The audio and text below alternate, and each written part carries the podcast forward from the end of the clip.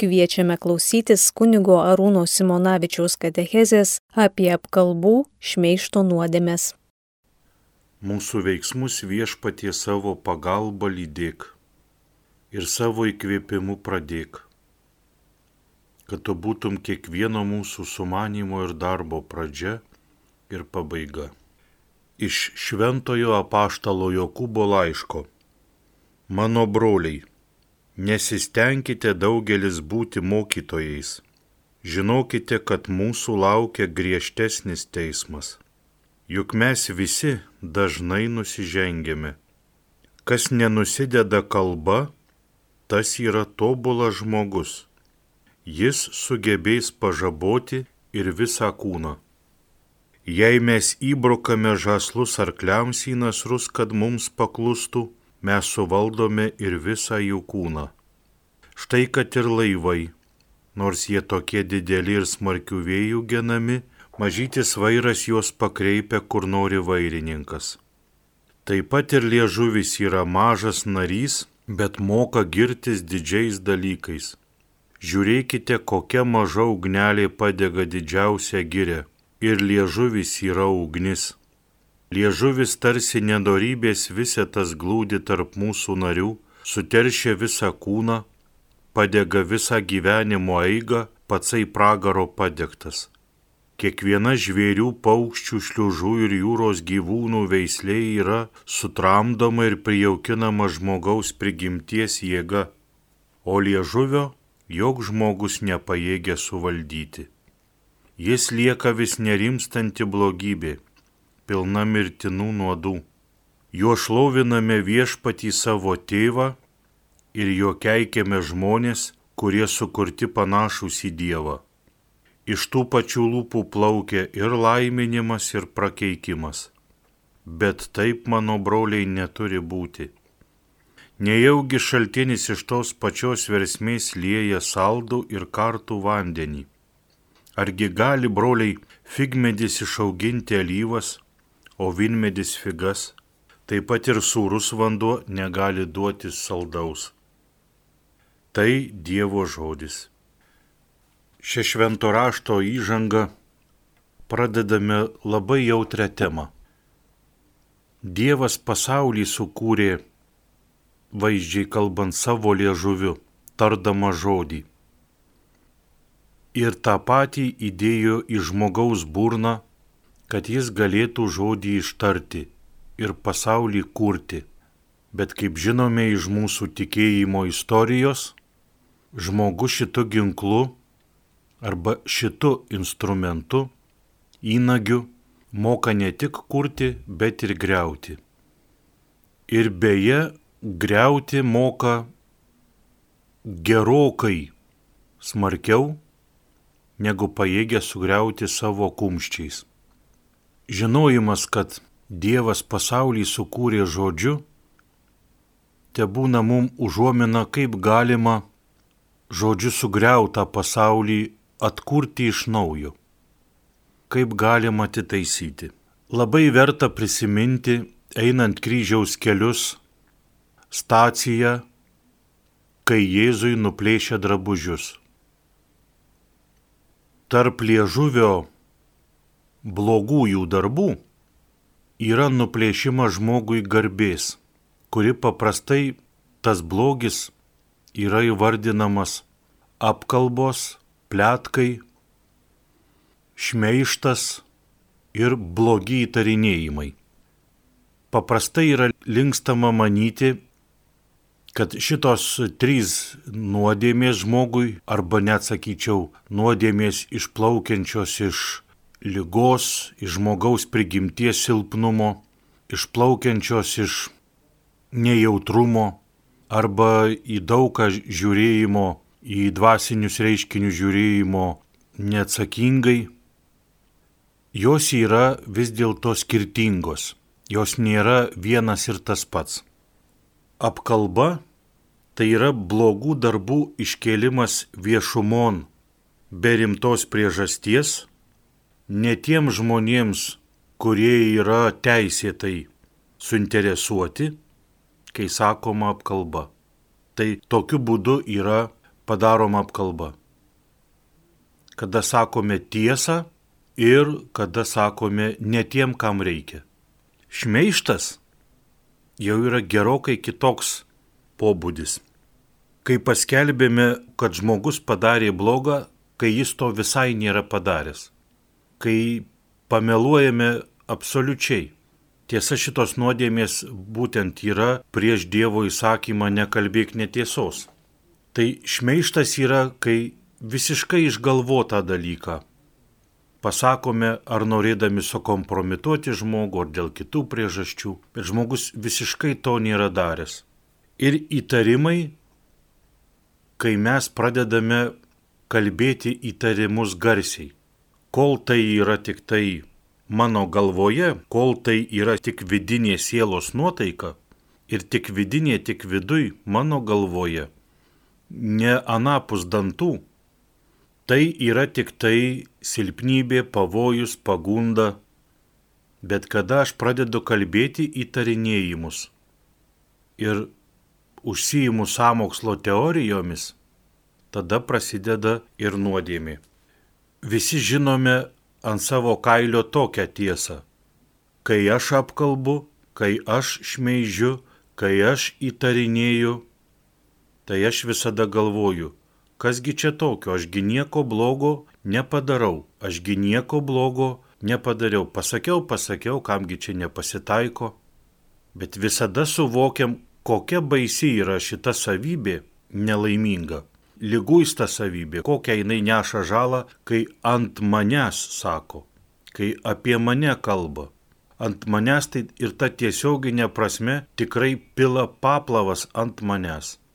Tada aš suprantu visą baisų didumą ir skausmą šitos padarytos nuodėmės, kai kiti apie mane taip atsiliepia arba mane įtarinėja noriu priminti apibrėžimą, kad žinotumėm, kad tai yra labai labai skirtingi dalykai. Apkalba, kai pasakome apie žmogų tiesą, iškeldami jo blogus darbus, bet be jokio reikalo iškeliame ir iškeliame ne tiem žmonėms, kuriems reikia. Beje, reikia visada prisiminti šventame rašte duotą patarimą, gal greičiau netgi reikalavimą.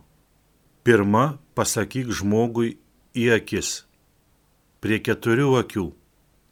O dažnai apkalbantis žmogus labai bijo pasakyti žmogui į akis.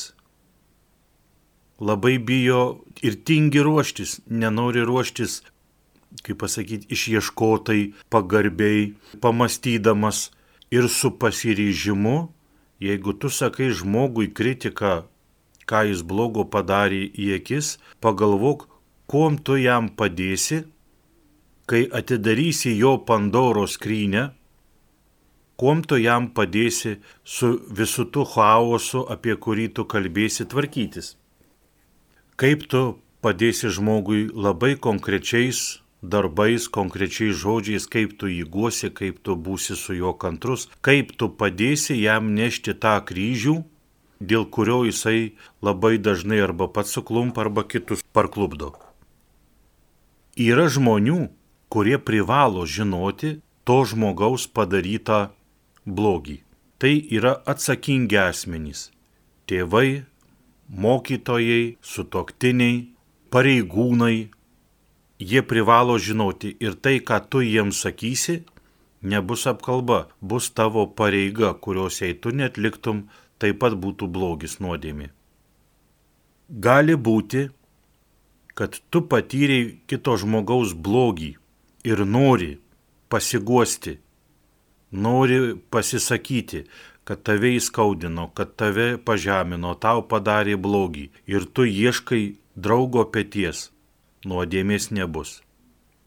Bet žmonės visi turime sveiko proto ir suprantame aiškiai, ar tas žmogus, su kuriuo aš kalbu apie kito žmogaus blogybės, yra pašalinis, ar, kaip galima sakyti, turintis teisę girdėti kito žmogaus blogį. Girdėti apie kito žmogaus blogį tai yra kažkas panašaus, kaip e, žiūrėti į pragarą. Turbūt, kad Fatimai vaikams Marija rodė pragarą. Ar įsivaizduojame, ką reiškia žiūrėti į pragarą? Ar įsivaizduojame, ką reiškia žiūrėti į plakamą žmogų, žudomą žmogų? Ar įsivaizduojame, ką reiškia žiūrėti į labai akivaizdų blogį čia ir dabar? Ir paskui suprasti, kad aš bereikalo tą žiūrėjau. Aš bereikalo buvau priverstas žiūrėti į žmogaus padarytą blogį. Ar mane plėtkininkas ar plėtkininkė nesužalojo? Todėl apkalba turi tikrai didelę žalas. Pirmiausiai tai yra todėl, kad jos iš šono atrodo kaip labai menkos, juk neužmušiau, nepavagiau, bet iš švento rašto mes turime žinoti. Siracido knyga sako taip. Rimbo kirtis įrėžia randą, liežuvio kirtis sutrupina kaulus. Kaip ir girdėjo tą paštalo Jokūbo laiškė, tikrai, liežuvis padaro žymiai skaudesnės pasiekmes dabar yra labai garsiai ir gausiai aptarinėjama visuomenėje smurto priežastys. Bet labai keista, kad niekada nepasakoma ir aiškiai neįvardinama, kad apkalbos, įtarimo skleidimai, kad šmeištai tai yra 50 turbūt, drįstu taip sakyti, turbūt, kad jei nedaugiau, tai pusė priežasčių kodėl kyla smurtas pasaulyje, kodėl kyla smurtas, kaip sakoma dabar, artimoje aplinkoje, neskaitant kitų dar liežuvio nuodėmių kaip bambėjimas, patyčios, psichologinis smurtas, bandymas žmogų, taip vadin, kaimiškai tariant, nukalbėti, savo tiesą įrodyti, išaiškinti, kad žmogaus liežuvis sukelia būtent tokius vaidus, dėl kurių vaitoja labai labai daug. Šventasis raštas tokių pavyzdžių taip pat turi. Noriu priminti keturis atvejus. Tai Juozapą iš Egipto, kuriam nelaimių pridirbo putifarienė su savo liežuviu, taip pat Zuzana, kurią apskundė neteisėtai apšmeižė paleistuvystėmis ir gundimais porą vyrų. Ir Judita. Šiti žmonės yra šventame rašte, bet turbūt nerasime pasaulyje nei vieno žmogaus, kuris yra nenuplaktas apkalbų, kuris yra neskandintas šmeište, o labiausiai įtarinėjimuose. Kiek būna paskleidžiama apie žmogų įtarimų, tai yra nuplėšiama žmogaus garbė, taip kaip buvo kadaise nuplėšti Jėzui drabužiai ir Jėzus visiems rodytas nuogas ir iš jo tyčiotasi. Apkalba nuplėšia žmogui garbę. Net apaštalas Paulius yra sakęs, velyčiau numirti, ne kad man garbę atimtų. Jis tai rašo pirmam laiške korintiečiams 9 skyriui 15 eilutėje. Patarlių knyga sako, geras vardas lyginai kaip daug turtų. Apkalbos rūbą nuplėšus tai gali nusipirkti naują, kažko netekus gali įsigyti, o visi žinom, ką reiškia, kai iš tavęs atimama tavo garbė. Kaip ją atgauti po to, tai jau yra labai problematiška.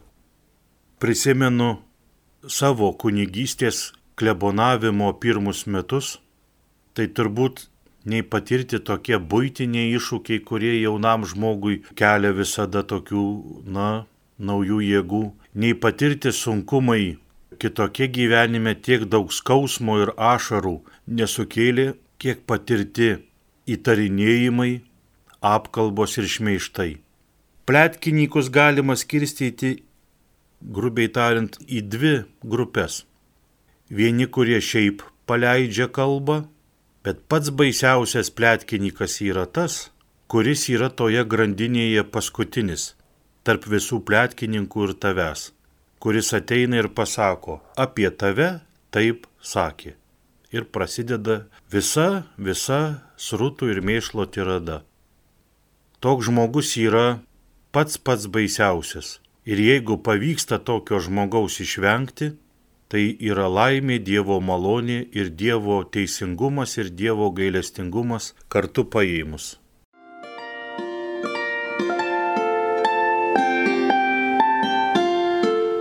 Jūs girdite Marijos radiją.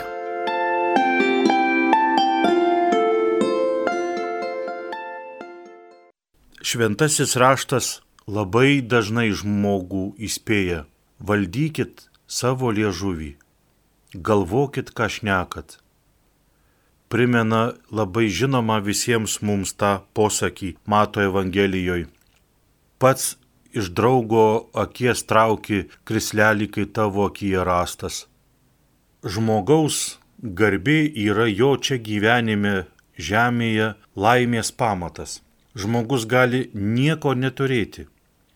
Bet jeigu jis turi kropelę garbingumo, gerų savybių, o jų turi visi, ir jeigu iš jo tai nėra atimta, tai jis gali būti nemokytas ir plikas ant žemės stovėti. Gali būti ligonis, gali būti neįgalus, kas tik tai nori. Turiu meni, kad nieko neturėti, bet jis bus laimingas vis dar bet jeigu iš žmogaus atimsi jo garbę, jo neguos nei jo padėtis, nei jo turtai, nei jo įtaka, neguos žemėje niekas. Jį tada guos, kaip guodė lozorių. Tik tai po mirties.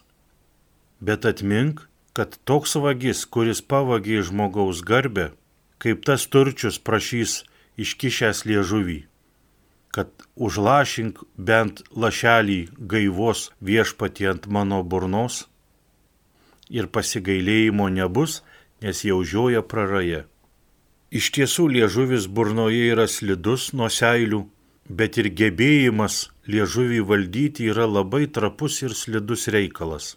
Todėl turime nuolat būti atidus. Kaip taisoma yra apkalbų nuodėmė apkalbų nuodėmė yra taisoma taip. Jeigu turi garbės ir drąsos atsiprašant žmogaus ir atsiprašant tų, su kuriais tuos plėtkus leidai, ir apie tą žmogų, apie kurį apkalbėjai, iškeliant, aptariant jo gerasias savybės, bei atrandant, ieškant pateisinančių priežasčių, bet pateisinančių nesmerkiančių Nes yra žmonių, kurie ieško pateisinimo ir bandydami pateisinti dar labiau jį pažemindami. Išvadina, kad jisai paikas, kad jisai tingus žmogus ir taip toliau. Todėl reikia ieškoti pateisinančių priežasčių, o pirmiausiai labai sveika tada save, anų akivaizdoje apkalbėti. Iškėlė jano žmogaus blogas savybės Iškelk dabar, kad drasus savo, lygiai verčias blogasias savybės, nusirenk dabar pats nuogai, surenk teismą savo, kaip pirmai surengiai teismą anam. Tai tokiais būdais panašiais yra taisoma apkalbų nuodėmė. Šmeištasgi yra taisomas, kada tu privalai visiems kuriems apšmeižiai žmogų, privalai pasakyti, kad tu apšmeižiai žmogų. Privalai labai aiškiai ir nedviprasmiškai ištarti tiesą, kurią tu sugrioviai. Turi atsiprašyti žmogaus ir ieškoti, kaip atitaisyti padarytas žalas. Turi su žmogumi aptarti, kaip tu jam dabar atlyginsi padarytą žalą. Žinoma, visada yra dvasinė, kaip ir visur prevencija, taip ir čia. Maldoje šauktis Dievo, turėti vidinį nusistatymą, kad aš nenoriu žmogaus apkalbėti, melstis už tuos žmonės, kuriuos aš dažniausiai apkalbu, kuriem aš darau šitą blogį, melstis už juos ir prašyti Dievą, kad Dievas padėtų man suvaldyti mano liežuvį. Įtarinėjimai Himnas meiliai laiškė korintiečiams pirmame sako meiliai neįtarinėja. Kunigas Juozapas Remeikis savo katechezėje labai gražiai nurodo, kas įtarinėja kitą blogame, nemyli artimo, nes kitam geidžia to, ko pats nenori, kad jam taip darytų. Čia pagal Siracido knygą. Įtarinėtojas, kuris nekovoja su įtarinėjimais ir juos paleidžia, nusideda teisybei, nes leidžia žmonėms galvoti, kad kitas žmogus yra blogas. Duoda peno apkalbėtojams ir nusideda išganytojui. Žiūrėti Jokūbo laišką. Šventasis raštas anot kunigo Juozapo Remeikio sako, mato Evangelijoje, kad burna kalba, ko pertekusi širdis. Todėl įtarinėjimai, kurie yra žmogaus širdyje, baigėsi apkalbomis ir šmeištu. Taip pat reiktų pridurti, kad įtarinėjimai baigėsi ir kerštais, teismais, pykčiais, jau neskaitant, kad įtarinėjimai gali baigtis liūdėsiu, depresija, įtarinėjimai gali baigtis neurotiškomis būsenomis, kada žmogus pradeda tiesiog negali gyventi, nes apie jį tiek yra priskleista blogio, kad jam ir jis pats pradeda atrodyti blogą savo ir pradeda atrodyti, kad visi jam tampa priešai. Šventasis raštas mus labai tėviškai įspėja. Draugiškai, neteiskite, kad nebūtumėte teisiami. Teismas yra negailestingas tam, kuris nevykdo gailestingumo. Buvo toksai šventasis Anzelmas Kenterberietis. Didis viduramžių žmogus, mąstytojas, kuris Dievo buvimą matematiškai bandė aptarti, jis apie apkalbas ir apie kitų žmonių teisimą taip yra sakęs. Bevelėjo apsirikti gerai manydamas apie žmonės, nors jie iš tiesų būtų blogi, ko aš tiesą pasakius nežinau, negu apsirikti blogai manydamas, neįsitikinęs, jog jie yra blogi.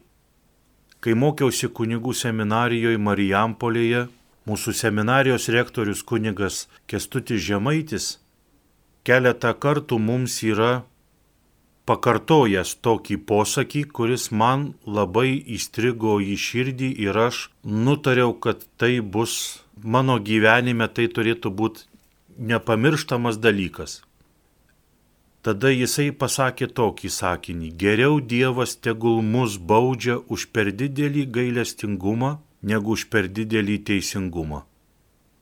Šventasis raštas mums primena, kokių nuodėmių mes darome, kokių ne, tai jau čia labai įvairiai būna, bet liežuvio nuodėmi, trapumas ateinantis nuo šitos vietelės yra neišvengiamas kova su šita nuodėmė yra kaip per baletą tas ant pirštų galų vaikščiojimas. Ir be jokių puantų, be jokių nuskausminamųjų. Bažnyčios gyvenime daug buvo šventųjų, kurie taikė šitą taisyklę, kurią pakartojo Anzelmas Kenterberietis, arba kurios mus perfrazuotos mokė kunigas Kestutis Žemaitis Tomui Akviniečiui draugai kunigai, jisai buvo viduramžių filosofas ir davė vakarų civilizacijai įspūdingą mąstymo kryptį, buvo labai išmintingas žmogus, bažnyčioje labai gerbiamas už savo išmintį, tai jam kunigai draugai pašaukę prie lango taip sakė, Tomai žiūrėk, bulius skrenda dangui. Ir Tomas Akvinietis pakėlęs akį žiūri. Jie šaukia jam, kad jis kvailys, tiki tokiais niekais, o jisai jiems sako, aš greičiau patikėsiu, kad bulius dangui skrenda, negu kad mano broliai kunigai sako netiesą. Tokių bažnyčios istorijoje atvejų yra nemažai. Taigi aptarėme trejetą dalykų - kas yra apkalba ir kaip ji yra taisoma, kas yra šmeištas ir kaip jis yra taisomas, kas yra įtarinėjimai. Tiesa, apkalba apie vadovus ir įtarinėjimų skleidimas apie vadovus. Žiniasklaida taip pat neša atsakomybę ir prieš Dievą, ir prieš visuomenę, ką jie skleidžia.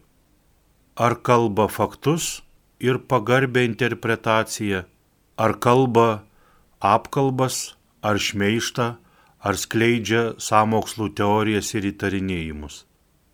Labai svarbu suprasti, kad ne kažkas apkalbinėja, ne kažkas apšmeižia, ne kažkas įtarinėja, bet aš apkalbu, mes apkalbame, mes visi esame šioje srityje labai labai trapus, trapesnė už stiklą, ploniausia. Tai čia viena pusė. Yra antroji pusė. Aš niekada nebūčiau gal ir pagalvojęs, bet kunigas Juozapas Remeikis savo katechezėse nurodo, aš neveltui beje paminiu šitą pavardę, tai yra katalikų bažnyčios iškeli turėtų būti asmenybė, kuris parašė katechezių visą ciklą, tris tomus.